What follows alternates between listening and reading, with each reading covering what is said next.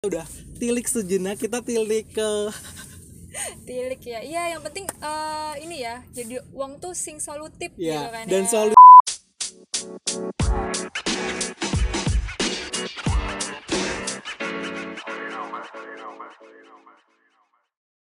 Halo, hai, halo, apa kabar teman-teman semua? Semoga sehat selalu ya. Ketemu lagi sama aku Angga Rizkif di Dengerin Sebentar Podcast. Di episode kali ini bakalan spesial banget loh Karena episode kali ini adalah salah satu bagian dari inklusif festival virtual yang diselenggarakan oleh DJPPR Ini untuk kita Nah di topik kali ini aku bakalan bahas atau diskusi nih sama teman aku mengenai topik manfaat produktif infrastruktur negeri menarik banget kan. Tapi kalau aku sendiri nggak seru ya. Jadi kayak episode episode aku sebelumnya aku ngajak temen aku buat eh, bahas topik ini biar hmm, makin dalam obrolannya. Aduh. Tapi kalau aku ngenalin sendiri nggak seru ya. Biar dia kenalan aja sendiri aja kali ya. Hihi. Hai Mbak Ica halo teman-teman. Halo Angga. Eh, aku Rizka Karnia atau biasa teman-teman. Aku manggilnya Ica. Eh, aku pagi-pagi nih diajak diskus sama Angga eh, tentang dia tadi mau ngomongin tentang infrastruktur eh, manfaat in- produktif infrastruktur negeri. Hmm, itu bener itu banget, bener kayaknya banget. menarik ya. Eh by the way tapi tadi Angga kan juga ngomongin ya tentang DJPPR itu Nah, Iya sebenarnya- DJPPR Mm, DJPPR. Nah, mungkin kayaknya teman-teman juga banyak yang belum tahu deh enggak si DJPPR itu sebenarnya itu apa sih DJPPR? Oh, jadi mungkin dari singkatannya dulu kali ya. Jadi DJPPR adalah Direktorat Jenderal Pengelolaan Pembiayaan dan Resiko atau biasa disebut DJPPR. Jadi DJPPR ini salah satu unsur pelaksana di Kementerian Keuangan Republik Indonesia eh, yang di bawah tanggung tanggung jawabnya Kementerian Keuangan Bica. Hmm, betul betul. Iya sih. Dan eh, sebenarnya kalau teman-teman tahu di Kemenq itu kan di bawahnya Kemenq itu banyak banget unitnya. Mungkin kalau teman-teman nggak asing itu kayak Direktorat Pajak, Direktorat eh, Bea Cukai. Nah, itu juga sebenarnya salah satunya unit di bawah Kemenq ini adalah DJPPR ini. Gitu. Wah, kalau kalau Mbak Ica tau nggak sih tugas-tugasnya DJPPR ini apa atau nggak? Kalau aku setahu aku dulu jadi eh, DJPPR ini nama sebelumnya itu adalah Direktorat Jenderal Pengelolaan Utang loh Mbak Ica. Hmm, betul banget gitu loh. Kalau eh, kebetulan kan juga aku kuliahnya di ekonomi nih. Nah, jadi pernah juga nih ngebahas tentang si DJPPR ini. Kalau dari segi tugas, sebenarnya dia juga tugasnya banyak, tapi lebih spesifik ke penyelenggaraan perumusan tentang kebijakan eh, pinjaman, hibah, surat berharga negara, terus apa lagi yaitu resiko keuangan, sama ini ya, yang paling penting adalah hutang negara. Aduh. Nah, BTW kamu eh, pasti pernah ngutang juga kan, ga? Aduh, kalau ngutang kayaknya aku pernah sih mungkin burjo-burjo sebelahku aku utangin. Ntar dulu deh makannya. Nah, itu tuh kayaknya ini burjo-burjo yang deket rumahnya Angga kayaknya harus segera datang Aduh, deh iya nih. Aduh, nanti aku takutnya lupa di akhirat ya. Aduh, parah-parah. Oh, oh iya, tau gak sih Mbak Ica? Oh, kalau misalnya dari pelayanan di di DP DP DJPPR. DJPPR ini punya pelayanan loh. Jadi dia bangun infrastruktur gitu Mbak Ica. Hmm, oh iya, ah, bener-bener aku juga eh, baru inget deh ini. Jadi Hmm. si DJPPR ini kan dia juga ini ya eh, bertugas tentang eh, pengelolaan pembiayaan infrastruktur ya. Hmm. Dan itu tuh namanya adalah SB SBSN Mbak. Jadi SBSN ini adalah uh, sal- atau suku negara ya. Dia adalah salah satu sumber dana APBN untuk pembiayaan proses eh proyek infrastruktur. Kayak teman kita yang kita mau omongin. Hmm, gitu. Oke. Iya sih, eh, bener-bener. Jadi eh, ngomong-ngomongin pembiayaan infrastruktur itu eh, kayaknya di kita mungkin pada belum tahu juga ya atau mungkin eh, pada belum secara langsung merasakan oh sebenarnya itu infrastruktur yang kita rasakan gitu. Karena infrastruktur tuh luas banget kan. Banget banget banget Kayak banget. misalnya nih infrastruktur itu tuh eh, ada jembatan, Terutama di Jogja ya. terutama di Jogja kayak terus juga ada komunikasi itu juga sebenarnya termasuk dari infrastruktur negara kayak gitu nah kalau di Jogja nih kalau kita ngomongin Jogja itu banyak banget nggak infrastruktur itu tuh Apa tuh? Apa tuh? Apa Hmm, tuh? banyak banget kayak jembatan jalan nah kalau yang lagi hits mungkin kalau teman-teman Jogja tahu ini yang lagi baru banget nih infrastruktur Apa tuh? yang Apa baru itu ada eh, namanya under pas sama bandara di Jogja yang baru gitu bukan Oh. Jogja yang jadi eh, ceritanya di bandara Jogja itu dulu ada namanya Bandara Adi Sucipto Mhm. nah itu dulu emang eh, di situ bandaranya tapi mulai tahun 2019 itu pindahlah ke bandara yang baru ini Iya, NIA ya. Nia, New. York International. Oh, New eh, York New sih, kita kan di Jogja. Oh iya, New- salah salah apa apa? New Jakarta Yogyakarta. International Airport. Hmm, Mhm. itu hits banget nggak dan bahkan itu jadi spot hits gitu loh di Jogja buat datang karena emang Instagramable desainnya ya. iya Hmm. desainnya itu bagus banget interior desainnya kayak gitu sih Eh, ngomongin eh, underpass itu tau gak sih Mbak Ica kalau ternyata underpass-nya ini tuh salah satu sumber dananya tuh dari SBN yang SBSN yang kita omongin tadi loh Ica. hmm, gitu Hmm, jadi eh, apa namanya eh, underpass ini terpanjang di Indonesia dengan bentang tuh 1,3 km panjang banget gak wow sih? iya sih dan itu kalau diberdiriin kayaknya Aduh. tingginya setinggi banget ya Monas tuh berapa sih Monas tuh? aduh aku juga Nggak tahu ya? Berapa. Oh, apa namanya? Tau gak sih um, Baca kalau underpass ini tuh tujuannya tau gak? Jadi tuh biar akses jalan nasional pantai selatan atau Pansela Jawa tuh bisa menghubungkan antara Purwokerto dan Yogyakarta biar tetap terbuka gitu loh biar jadi tuh biar cepet jalannya Hmm, kalau pulang kampung nih kalau mudik lebih gampang lagi lebih cepat lagi Mm-mm, gitu ya salah satu itunya ya benar-benar betul, banget betul. Terus kalau eh, kalau kita ngomongin bandara juga eh, jadi aku pernah baca tuh tuh, jadi tuh? si bandara eh, New Yogyakarta ini Hmm. itu adalah bandara yang pembangunannya paling cepat di dunia, di Gila, dunia loh. di dunia pakai apa ya dia ya? Bangunnya Iya, biar Bondowoso itu? deh kayaknya. aduh Jadi cepat emang itu. dia tuh baru eh, dimulai dibangun itu akhir Oktober 2018. 18 ya. Hmm, kan? 2018 terus pas April 2019 akhir April tuh udah mulai ini berjalan udah mulai beroperasi lagi gitu. Berarti kan cuma beberapa bulan tuh pembangunannya.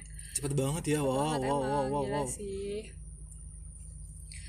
Eh, terus juga eh, ngomong-ngomongin eh, bandara ini kan juga eh, akses salah satu akses menuju Jogja ya bener bener bener itu kalau zaman liburan misalnya Aduh. liburan akhir tahun liburan semester, Semester. kayak gitu-gitu sekolah tahun itu baru Natal gitu-gitu ya banget padat iya banget cuma sekarang karena lagi pandemi juga ya mungkin eh, masih terbatas bisa ke sini cuma bisa masih ke sini, terbatas gitu ya dengan terbatas. protokol kesehatan yang Betul. dengan ketat Betul, oh ya betul. baca tau gak sih kalau uh, mungkin ngomongin tadi pariwisata di Jogja itu kan jadi pembangunan Mm-hmm. infrastruktur di Jogja mungkin uh, salah satu fokus utamanya mungkin uh, dari untuk sektor pariwisata ini ya ya nggak sih Iya, biar iya, betul. biar jadi lebih gampang gitu ke sininya jadi apa ya biar biar uh, salah satu manfaatnya dari ini tuh biar cepet gitu nggak sih Mm-mm, karena kan di Jogja ini kan selain kota pendidikan juga kota pariwisata. Pariwisata, ya. bener banget. Jadi ya memang mungkin salah satu fokusnya pemerintah juga kenapa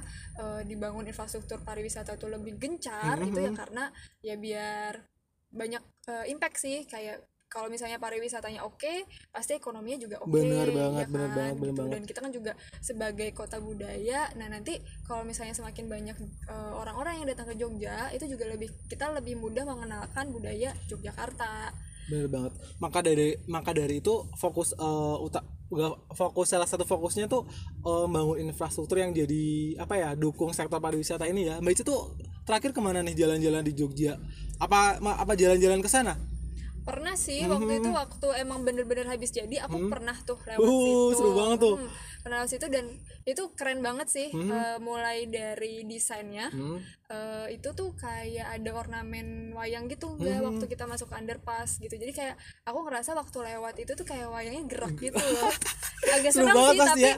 tapi seru seru Tapi seru banget ya. Hmm, seru. Satu kilo tiga meter lagi. Aduh. Iya, biasanya kita kalau masuk ke terowongan atau underpass itu kan kayak Gelap, udah gelap hmm. aja gitu kan. Kalau ini tuh kayak oh keren-keren kayak ada banyak ornamen-ornamen Hmm. wayangnya. itu eh, salah satu impactnya juga eh, salah satu impactnya kan salah pariwisata tadi itu ya. Jadi turis-turis yang datang aduh aku lewat sini jadi sebelum ke Jogja tuh udah di udah di udah diberi apa ya? Suguhan. diberi suguhan. Wah Jogja tuh gini ya. Wow keren banget. Dan selain itu menurut aku eh dam- apa dampak positifnya untuk masyarakat sekitar yang pembangunan underpass ini pasti ada juga dong Mbak Ica. Ya nggak sih? pasti, salah satunya adalah eh, terbukanya lapangan kerja. Jadi gara-gara dibangunnya infrastruktur ini eh, bandara ini jadi eh, banyak orang yang jadi apa tadinya mungkin belum ada kerjaan terus jadi eh, banyak dari pemerintah sekitar situ jadi yaudah deh sini ayo kita kita bangun uh, underpass kita bareng-bareng di sini. Jadi ah, jadi punya lapangan kerja mereka kayak gitu iya iya itu salah betul, satunya Hmm. betul banget jadi kayak ya pokoknya pasti impactnya adalah nggak cuma di warga sekitar Hmm. di warga sekitar yang underpass ya pasti juga impactnya ke warga Jogja juga ke perekonomian warga Hmm. Jogja itu pasti akan berimpact sih Gitu. salah satunya mungkin lalu lintasnya jadi lancar ya nggak sih kalau dari Hmm. segi transportasi iya jelas karena kan itu namanya juga underpass kan Underpass di Iya, bawah jadi ya. emang jalan itu lebih lebih cepat aja daripada emang jalan yang Hmm. sebelumnya udah ada Iya. gitu udah ramai gitu terus Hmm.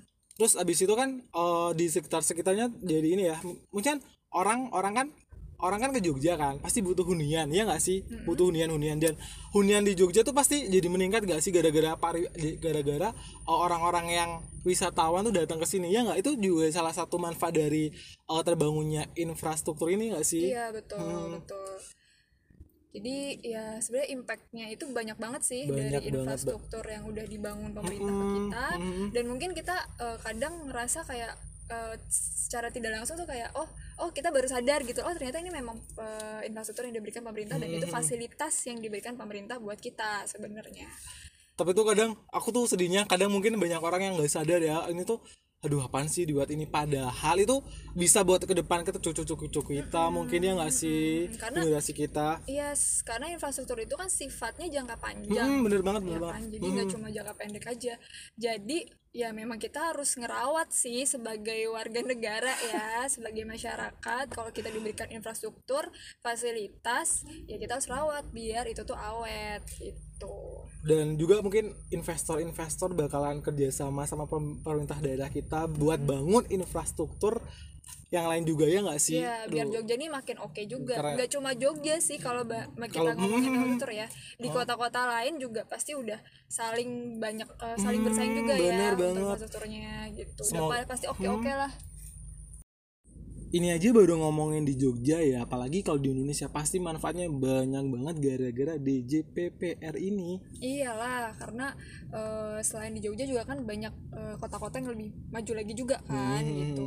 Jadi kita memang eh, infrastruktur ini kayaknya memang lagi digencar-gencarkan ya oleh pemerintah juga. betul banget Nah seru banget ya Mbak Ica Kita udah tilik sejenak Kita udah tilik ke bandara dan underpass Kalau Bu Tejo mungkin sama teman-temannya Tilik ke RS Kita sama Mbak Ica tilik ke infrastruktur yang udah dibangun sama DJPPR ini Keren banget Tilik ya. Iya, yang penting eh, ini ya. Jadi uang tuh sing solutif gitu ya kan dan ya. solutifnya itu adalah salah satunya adalah dari eh, DJPPR ini ya? Iya, nggak betul. sih? Jadi DJPPR ini berarti memang adalah eh, dirjen yang memang solutif ya. sesuai tagline-nya ya berarti. Ini untuk untuk kita ya nggak sih? Jadi ini itu adalah uh, dari pemerintah ya nggak sih? Dan uh, uh, ininya tuh infrastruktur yang dibangun oleh DJPR ini dan kitanya adalah masyarakat yang kena Hmm, betul banget, impactnya betul ini banget. aduh Pas banget ya ini untuk kita, ini dari pemerintah, kita dari, eh kita untuk masyarakat. betul banget Betul banget. seru banget ya kita udah tili ke ke bandara kita uh, ngomongin Ke underpass. ke underpass kita ngomongin impactnya buat masyarakat sekitar dan kota Jogja juga Hmm, banget seru banget sih. Mungkin nanti nextnya kita akan bahas yang topik-topik yang lain ya. Enggak ya, ya. siap, siap, siap, siap, siap. Mungkin uh, dari aku segitu dulu uh, untuk episode kali ini. Uh, semoga kalian, uh, mas, semoga kalian tetap sehat-sehat terus. Terus semakin kalian sehat, semakin bisa uh, merasakan infrastruktur yang dibangun oleh si DJPR Yap, ini. betul, Iya nggak sih? betul, betul banget. Oke, dari aku mungkin segitu dulu. Uh, aku Angga Rizkif Aku Rizka Karnia. Dengerin sebentar, nanti, juga, paham. Bye. Bye.